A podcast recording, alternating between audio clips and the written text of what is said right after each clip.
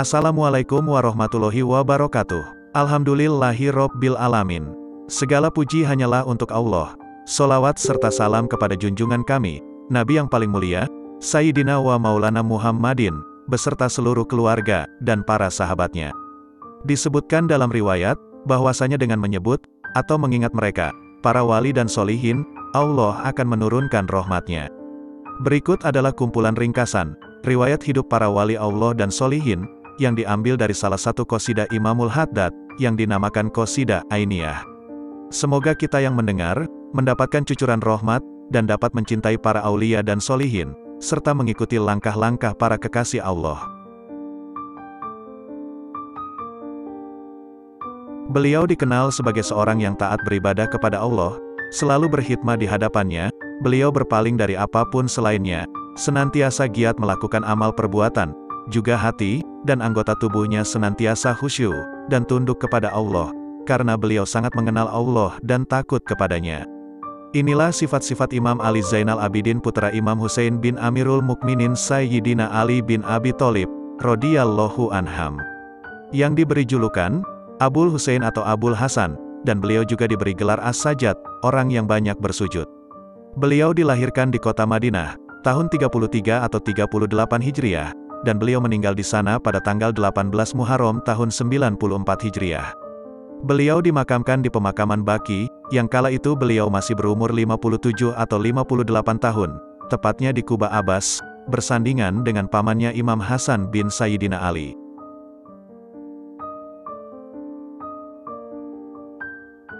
Beliau adalah seorang tabi'in yang agung, imam yang besar, beliau meriwayatkan hadis dari ayahnya, dari pamannya Imam Hasan, Sayyidina Jabir, Ibnu Abbas, Miswar, bin Makromah, Abu Hurairah, Sayyidatuna Sofia, Sayyidatuna Aisyah, Ummu Salamah, dan para ummahatul mukminin lainnya. Beliau adalah pengganti ayahnya dari segi keilmuan, zuhud dan ibadah. Bahkan para ulama kala itu, telah bersepakat akan kebesaran beliau dalam segala hal. Sayyidina Yahya Al-Ansori berkata, Beliau adalah sebaik-baik Bani Hashim yang pernah aku lihat. Az-Zuhri berkata, Aku tidak pernah mendapati di kota Madinah, seseorang yang lebih utama dari beliau. Hamad bin Zaid berkata, beliau adalah seorang Hashimi yang terbaik yang pernah ada di kota Madinah. Hal ini juga dinyatakan oleh Abu Bakar bin Syaibah, seluruh sanat Az-Zuhri, yang paling benar adalah yang melalui riwayat Sayyidina Ali bin Hussein, dari ayahnya dari Sayyidina Ali bin Abi Tholib. Beliau dilahirkan di hari yang sama dengan Imam Az-Zuhri, bahkan Nabi Muhammad telah mengabarkan tentang beliau sebelum beliau dilahirkan.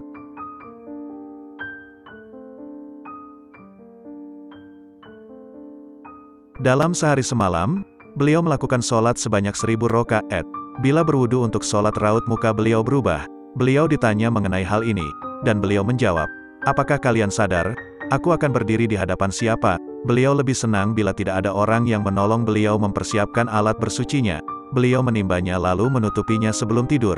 Beliau tidak pernah meninggalkan bangun malam, baik dalam kota maupun di perjalanan. Beliau juga memuji Sayyidina Abu Bakar, Sayyidina Umar, dan Sayyidina Utsman, radhiyallahu anhu. Jika angin berhembus kuat, beliau jatuh pingsan. Ketika menunaikan ibadah haji, tatkala mengucapkan kalimat labaika, beliau jatuh pingsan. Lalu ada orang lain yang lancang terhadap beliau tetapi beliau tidak menghiraukannya, sehingga lelaki itu berkata, Engkaulah yang aku maksud, beliau menjawab, Aku tidak menghiraukanmu. Suatu kali beliau keluar dari masjid, lalu ada seorang lelaki yang berpapasan dengannya, dan mengejeknya dengan ejekan yang sangat kotor, sehingga budak dan para pembantu beliau ingin menghajarnya, tetapi beliau melarang mereka, seraya berkata, jangan tergesa-gesa terhadapnya. Lalu beliau menoleh ke arahnya dan berkata, Aib kami yang masih tertutup olehmu lebih banyak lagi. Apakah engkau membutuhkan sesuatu yang bisa kami bantu? Lelaki itu malu. Hingga beliau Sayyidina Ali bin Hussein mengenakan selendang yang beliau pakai kepada orang itu, dan menyuruh agar lelaki itu diberi hadiah seribu dirham lebih. Tak ayal lelaki itu berkata, Aku bersaksi bahwasanya engkau termasuk keturunan Rasul, pada kejadian yang lain. Tatkala Farasda memberitahukan kepada Hisham tentang beliau dalam cerita yang terkenal itu. Beliau memberinya hadiah 1200 dirham, tetapi Farasda menolaknya. Seraya berkata, sesungguhnya kami memujinya semata-mata karena Allah, bukan mengharapkan hadiah. Lalu beliau menjawab, sesungguhnya kami ahlul bait bila telah menghadiahkan sesuatu, kami tidak akan menariknya kembali. Beliau sempat tinggal dengan kakeknya, Imam Ali selama dua tahun. Kemudian bersama pamannya selama 11 tahun, dan selanjutnya bersama ayahnya Al-Husain selama 11 tahun. Semoga Allah meridhoi mereka semua. Ada yang menyatakan beliau meninggal karena diracun oleh Walid bin Abdul Malik. Ketika beliau meninggal dunia, orang-orang mendapati beliau telah menafkahi 200 keluarga. Bahkan beliau memikul tempat makanan itu sendiri di malam hari, kemudian menyedekahkannya kepada kaum fakir miskin di kota Madinah. Beliau mengatakan, sesungguhnya bersedekah secara rahasia, dapat memadamkan kemurkaan Tuhan. Muhammad bin Ishak bercerita, dahulu pernah beberapa waktu orang-orang di kota Madinah hidup, sedangkan mereka tidak mengetahui dari mana datangnya kebutuhan mereka. Tetapi ketika Sayyidah Ali bin Hussein meninggal dunia, mereka tidak pernah mendapatkan kebutuhan mereka lagi. Beliau menyedekahkan seluruh hartanya untuk Allah sebanyak dua kali.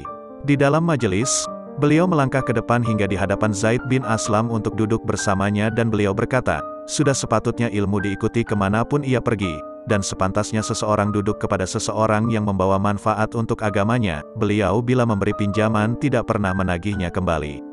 Begitu juga bila meminjamkan baju, tidak pernah memintanya kembali. Bila berjanji kepada seseorang, beliau tidak bisa makan dan tidak minum sampai menepati janji itu. Bila mengurus kepentingan seseorang lalu kepentingan itu terhenti, beliau melunasinya dari harta sendiri. Beliau berangkat menunaikan haji dan juga ikut berjihad dengan menggunakan kendaraannya, tetapi sedikit pun tidak memukul kendaraannya. Cerita mengenai kebesarannya banyak sekali, dan tidak terhitung. Tetapi sudah dikenal dan ditulis di dalam kitab-kitab para ulama solihin. Beliau meninggal dunia meninggalkan sebelas putera dan empat orang puteri. Di antara mereka yang mewarisi keilmuan, kezuhudan, dan ibadah beliau adalah Al-Imam Muhammad Al-Bagir. Semoga Allah meridhoi mereka semua.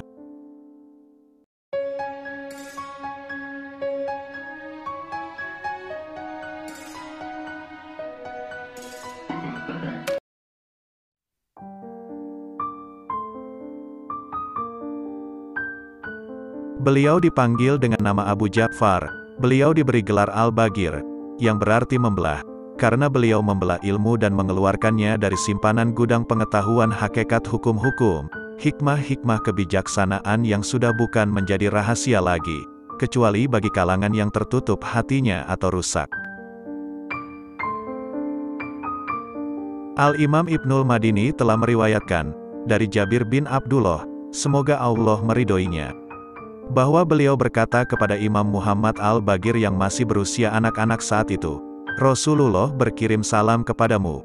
Lalu Jabir ditanya, bagaimana bisa demikian? Beliau menjawab, ketika aku duduk bersama Rasulullah, saat itu Hussein sedang berada di kamarnya, dan beliau Nabi, bermain dengannya. Kemudian Rasulullah bersabda, Wahai Jabir, kelak akan terlahir anaknya yang bernama Ali, bila di hari kiamat ada yang berseru, bangkitlah Sayyidul Abidin, penghulu para ahli ibadah, lalu bangunlah anaknya, kemudian akan terlahir pula anaknya yang bernama Muhammad. Bila kelak engkau bertemu dengannya wahai Jabir, sampaikanlah salamku padanya. Beliau seorang Alawi, keturunan Ali, dari sisi ayah dan ibunya, banyak orang yang menuntut ilmu dari beliau bahkan yang berasal dari tempat-tempat yang jauh. Ketenaran beliau tersebar ke seluruh negeri, Ibu beliau adalah Ummu Abdillah Fatimah binti Hasan bin Ali bin Abi Tholib. Semoga Allah meridhoinya. Beliau diberi julukan Abu Jafar, terlahir di kota Madinah pada hari Jumu'ah, tanggal 2 Safar tahun 57 Hijriah, kira-kira tiga tahun sebelum terbunuhnya Imam Hussein. Semoga Allah meridhoinya. Anak-anak beliau, Jafar dan Abdullah dari istri beliau Farwah binti Al-Qasim bin Muhammad bin Sayyidina Abu Bakar Asodik semoga Allah meridhoinya. Begitu juga Ibrahim, Ali, Zainab, dan Umi Salamah. Beliau meninggal di kota Madinah tahun 114 atau 117 atau 118 Hijriah. Kubur beliau di pemakaman Baki, di sebelah ayahnya dalam Kuba Abbas. Beliau berwasiat agar dikafani dengan gamis yang biasanya beliau pakai untuk sholat. Berikut untayan nasihat Al-Imam Muhammad Al-Bagir. Tidaklah rasa kesombongan meski sedikit masuk ke hati seseorang, melainkan akalnya telah berkurang seperti kadar kesombongan yang masuk padanya atau mungkin lebih banyak. Sesungguhnya musibah dapat menimpa orang mukmin dan selain orang mukmin, tetapi ia tidak akan menimpa orang yang berzikir kepada Allah. Tiada ibadah yang lebih utama daripada menahan perut dan kemaluan. Seburuk-buruk teman adalah yang memberi perhatian kepadamu dikala kamu masih berkecukupan, dan memutus hubungan denganmu dikala kamu miskin. Buktikanlah kecintaan saudaramu dengan hartanya di hatimu. Bila beliau tertawa beliau berkata, Ya Allah, janganlah engkau murka padaku. Beliau mencintai dan membela Sayyidina Abu Bakar dan Sayyidina Umar, semoga Allah meridhoi mereka. Di antara nasihat beliau yang lain, apalah dunia, apa pun isinya ia tak lebih dari baju yang kamu pakai atau kendaraan yang kamu naiki atau kaum wanita yang kamu kawini.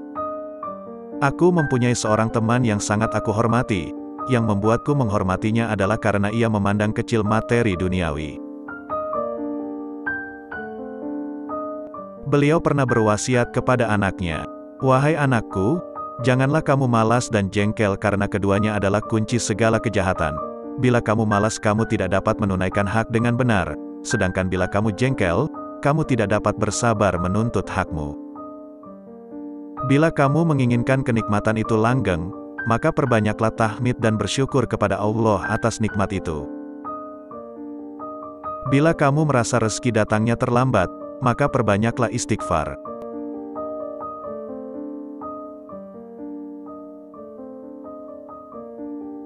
Bila kamu merasa sedih karena sesuatu, maka perbanyaklah membaca.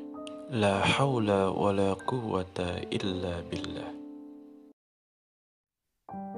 Bila kamu takut terhadap sebagian orang, maka bacalah. Hasbunallah wa ni'mal wakil. Kamu takjub terhadap sesuatu, maka ucapkanlah. Masya Allah la quwwata illa billah. Bila ada orang yang berbuat makar terhadapmu, maka bacalah. Wa ufawwidu amri illallah, innallaha basirum bil ibad. Bila kamu kesusahan, maka bacalah. La ilaha illa anta subhanaka inni kuntu minal zalimin. Di antara anak-anak beliau yang paling sempurna dan yang menjadi khalifahnya adalah Al-Imam Jafar As-Sodiq.